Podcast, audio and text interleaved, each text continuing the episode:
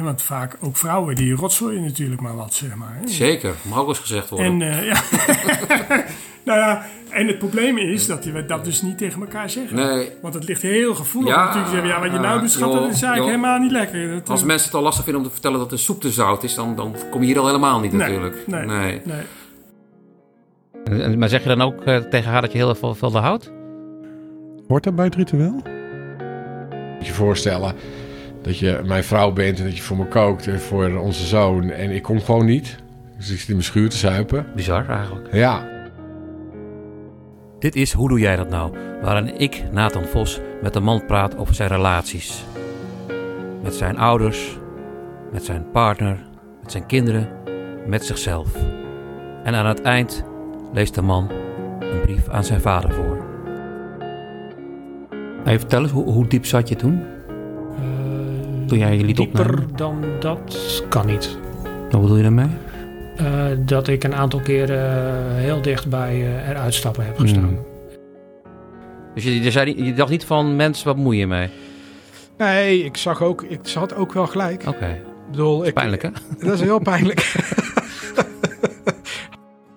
Maar toen liep ik een keer een marathon en ik was op kilometer 30 en dan heb je suikertekort en dan draai je hersenen niet meer goed. Toen dacht ik, ik moet het een huwelijk vragen.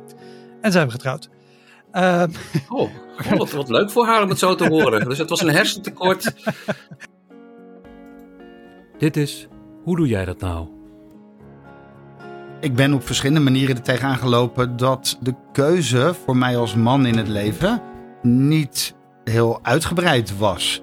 Zeg maar, op het moment dat je erop aangesproken wordt, we hebben sterke mannen nodig en je zegt, nou, laat iemand anders dat maar doen, dan disqualificeer je jezelf eigenlijk als man. Kijk, een jongen die misbruikt wordt Ja. of die seks heeft, komt klaar. Ja. Eh, en dat is veelal voor de jongen zelf de verwarring.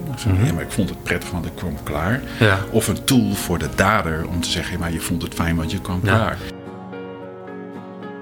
ik praat hier nooit zo over.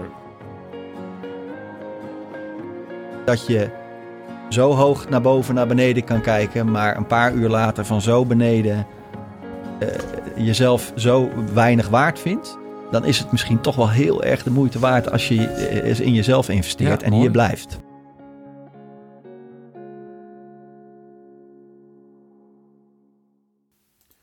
Hoe Doe Jij Dat Nou is te beluisteren op Spotify, iTunes en andere podcastkanalen. Meer weten manoman.nl